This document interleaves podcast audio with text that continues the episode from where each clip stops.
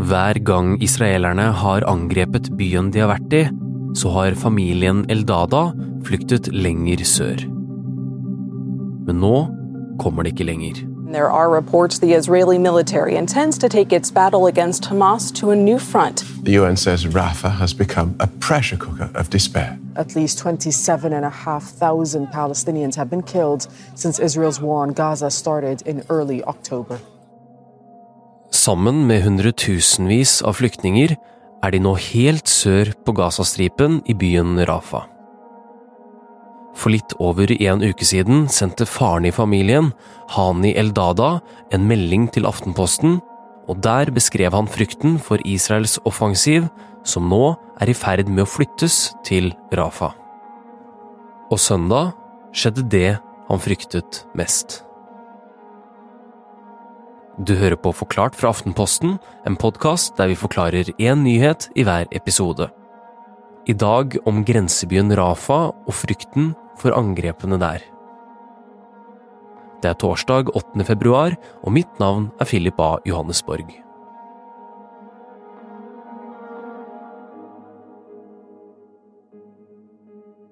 Rafa er en mellomstor eh, by som ligger helt sør på Gazastripen, rett ved grensen til Egypt.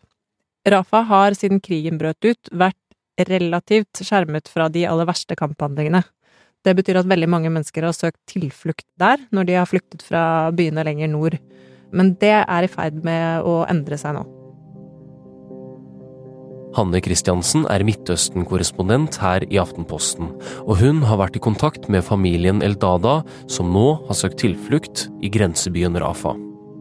Familien Eldada er opprinnelig fra Gaza by. Før krigen så levde de et uh, typisk middelklasseliv, vil jeg si, i Gaza. De er alle en familie med høyere utdanning. Faren, Hani, har faktisk i mange år jobbet med norske forskere, så han har et uh, nær tilknytning til Norge. De bodde i en stor leilighet i Gaza by, hadde sommerhus som de likte å reise til i feriene, og et liv som da endret seg fullstendig uh, etter den 7. oktober. De har opplevd å miste både venner og slektninger i kamphandlingene. De har måttet flykte to ganger. Og nå befinner de seg altså i Rafa, sånn som veldig mange andre palestinere uh, nå gjør. Hvor de kjenner på en økende frykt for at Rafa skal bli det neste fokuset for Israels uh, bakkeoperasjon. Nå på søndag skjedde det de har fryktet uh, aller mest. Hani ble truffet i et israelsk luftangrep og ble skadet. Han måtte på sykehus for å få behandling for skadene sine, men slapp heldigvis unna med livet i behold.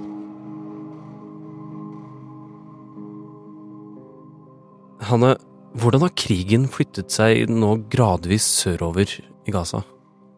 Det vi har sett helt siden krigen begynte, er et mønster der Israel har beordret evakuering fra byer de er i ferd med å gå inn i med bakkestyrker.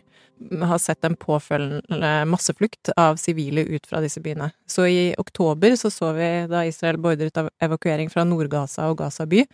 Titusenvis, kanskje så mye som flere hundre tusen, flyktet eh, sørover for å slippe unna kamphandlingene. Så ble det jo våpenhvile en uke i slutten av november, men da den brøt sammen i begynnelsen av desember, så beordret Israel en ny evakueringsordre, denne gangen fra Khan. Så de tusenvis av menneskene som hadde søkt tilflukt der, de ble nå tvunget enda lenger sørover, mot områdene helt sør mot grensen, og da særlig til byen Rafa. FN anslår at uh, over halvparten av Gazas befolkning nå befinner seg i Rafa, dvs. Si 1,1-1,2 millioner mennesker, i da et område hvor det tidligere bodde rundt 300 000 mennesker. Ifølge palestinske helsemyndigheter er over 27 000 mennesker drept i angrep siden krigen startet.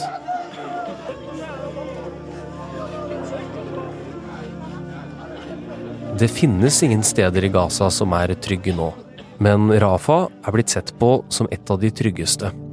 Men også denne byen er blitt utsatt for israelske angrep, og natt til søndag ble over 120 personer drept.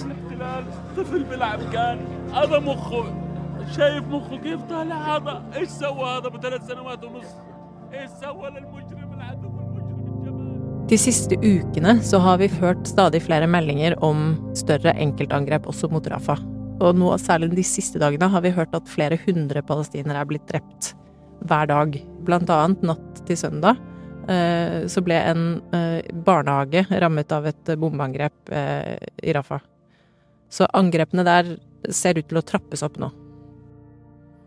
Og hvorfor er angrepene kommet til Rafa nå? Israelerne sier nå at de begynner å få kontroll på Khan Yunis, den byen hvor bakkeoffensiven har fokusert mest på de siste ukene. Det er vanskelig å verifisere det, det kommer fortsatt meldinger om intense kamper der. Men det Israels forsvarsminister nå har vært ute og sagt, er at bakkeoffensiven skal flyttes videre sørover, til Rafa. Nå mener de at Hamas-lederne og de siste terrorcellene befinner seg blant sivilbefolkningen i Rafa og derfor skal Israel nå rykke inn med bakkestyrker for å renske ut eh, resten av Hamas-organisasjonen eh, sør på Gazastripen. Men nylig begynte en viktig alliert av Israel å si at nå begynner det å bli nok. For stedet som Israel har sagt skal være trygt, kan snart ende opp som et blodbad.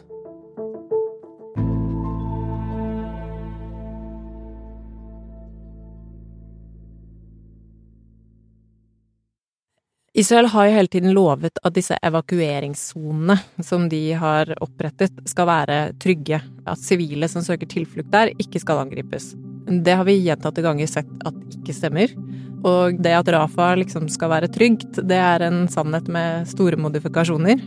Det har vært luftangrep mot Rafa egentlig helt siden krigen begynte. Men relativt sett, hvis man sammenligner med byene lenger nord, så har det vært mindre intense kamphandlinger i Rafa. Sånn sett så har det vært tryggere der enn andre steder på Gazastripen, da, kan du si.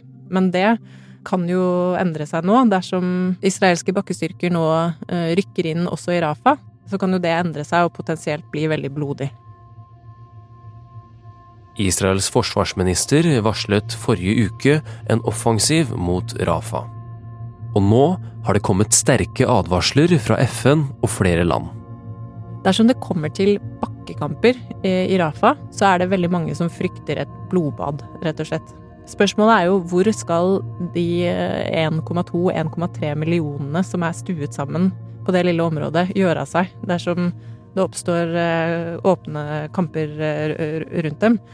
Vi har hørt noen meldinger om at det går an å reise tilbake til noen områder i nord men vi har også sett bilder av eh, palestinske sivile, ofte med hvite flagg, som har forsøkt å komme seg eh, ut av områdene hvor det er kamphandlinger, og blitt skutt på.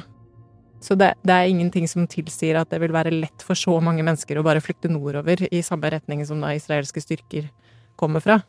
Og hva er det som befinner seg lenger sør for Rafa? Jo, det er et grensegjerde til Egypt. Så det er veldig vanskelig å se for seg hvor så mange mennesker skal gjøre av seg dersom det plutselig rykker inn soldater fra alle kanter. Men hvorfor frykter man at det skal bli såpass mye verre i Rafa enn andre steder, da? Fordi det er så mange mennesker som har søkt tilflukt i teltleirer som bare har vokst og vokst og vokst i størrelse. De menneskene har veldig lite beskyttelse fra eh, åpen ild og, og snikskyttere, for eksempel.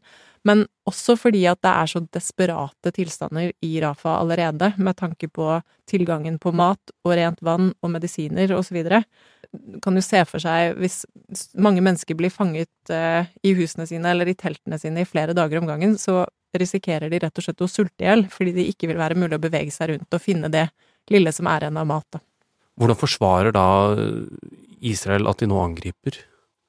Israels forsvar lyder jo likt som det har gjort hele krigen. De jakter terrorister, de skal utslette Hamas og fange Hamas-lederne, slik de har sagt hele veien. Og fordi de mener at disse Hamas-lederne gjemmer seg blant sivilbefolkningen nå i Rafa, så er de nødt til å gå inn der for å, for å nå det målet.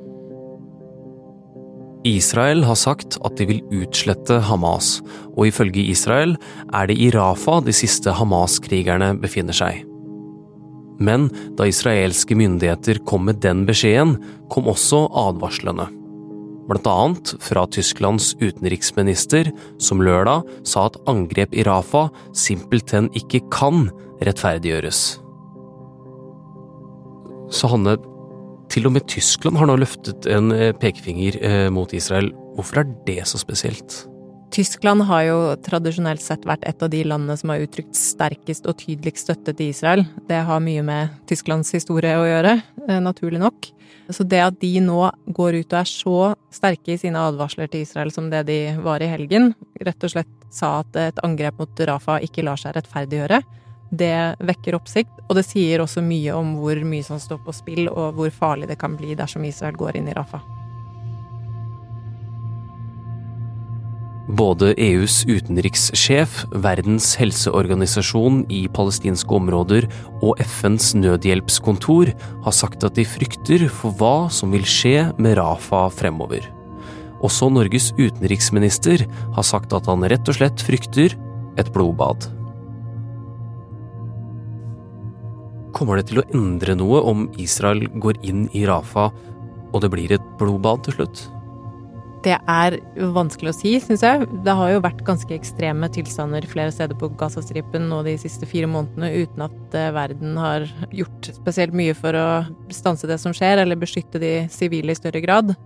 Samtidig, dersom man begynner å se at uh, veldig store grupper med palestinere presses uh, ut av Gaza over grensen til Egypt, eksempel, så er det vanskelig å se for seg at verden bare kan sitte stille og se på at det skjer. Ikke minst eh, nå som Den internasjonale domstolen i Haag nylig beordret Israel og alle de andre landene som har skrevet under på folkemordkonvensjonen, om å gjøre alt de kan for å hindre at et folkemord skal skje i Gaza.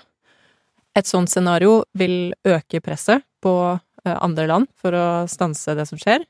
For eksempel kan man forestille seg at noen vil eh, ty til sanksjoner for å legge enda større press på Israel. Men dette er foreløpig et veldig hypotetisk scenario. Men uansett hva resten av verden nå gjør, så forbereder familien Eldada seg på tøffere forhold. Det blir stadig mindre mat, mens kampene blir flere, og situasjonen for dem som bare prøver å overleve, blir stadig mer håpløs.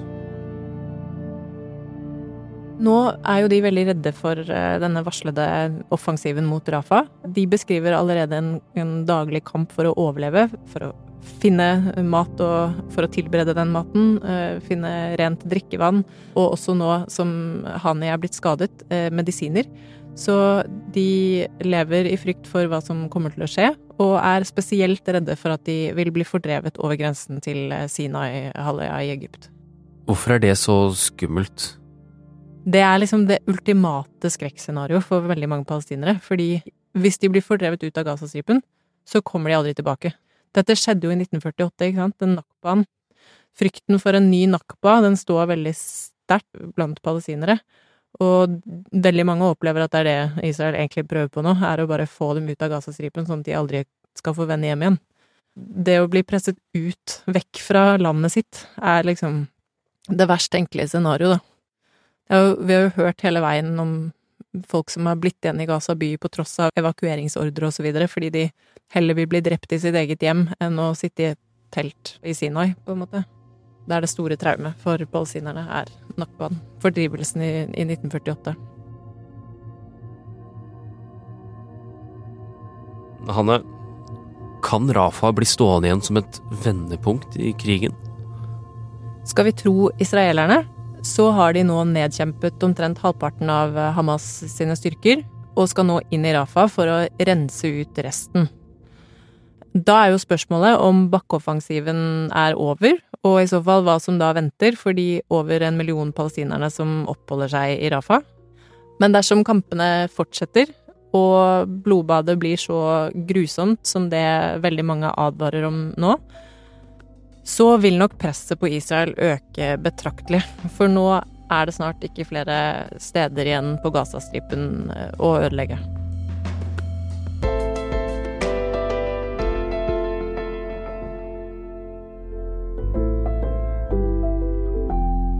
Du har hørt en podkast fra Aftenposten.